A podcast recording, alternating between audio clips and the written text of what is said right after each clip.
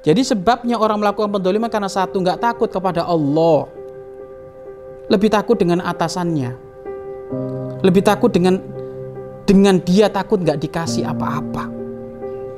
Ketahuilah, atasan kita makhluknya Allah, hambanya Allah. Dia tidak punya kuasa apa-apa. Yang punya kuasa hanya Allah. Yang punya kuasa adalah Allah. Semuanya kekuasaan di dunia ini akan hancur kecuali kekuasaan Allah. Kedua, orang yang melakukan pendoliman, sebabnya orang melakukan pendoliman karena ada kerakusan yang dicari. Ada kerakusan, keinginan membesarkan pribadinya yang dicari. Sehingga dia akan buta, tidak kenal tetangga, tidak kenal teman, tidak kenal ulama, tidak kenal kiai, tidak kenal ini, tidak kenal itu. Pokoknya bagaimana keinginan pribadiku dalam urusan hartanya, apakah pangkatnya harus sukses ini. Jadi yang menjadikan sebab orang orang tidak tidak berkasih sayang, berperilaku dolim itu karena ada kepentingan pribadi. Apa kepentingan pribadi itu? Gedikan rakusnya tadi itu. Sudah punya jabatan ini, pengen dapat jabatan ini, jabatan ini, jabatan ini. Sudah punya mobil ini, pengen mobil ini, mobil ini, mobil ini. Sehingga dia lupa. Cinta dunia menjadikan tuli, cinta dunia menjadikan buta. Rakus itu kan cinta dunia.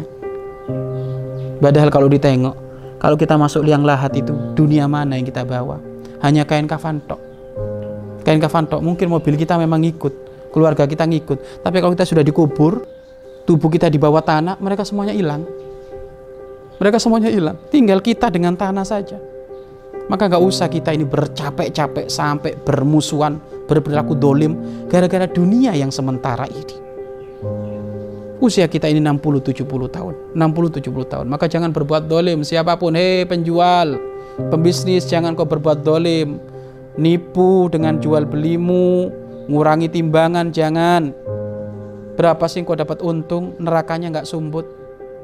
Ustadz jangan berbuat dolim dengan suka nuker-nuker ayat ya mencari ayat dalil hanya untuk menyeru kepada kepentingan pribadinya biar dapat ini dapat sumbangan itu jangan Ustadz. Jangan berbuat dolim kayak gitu.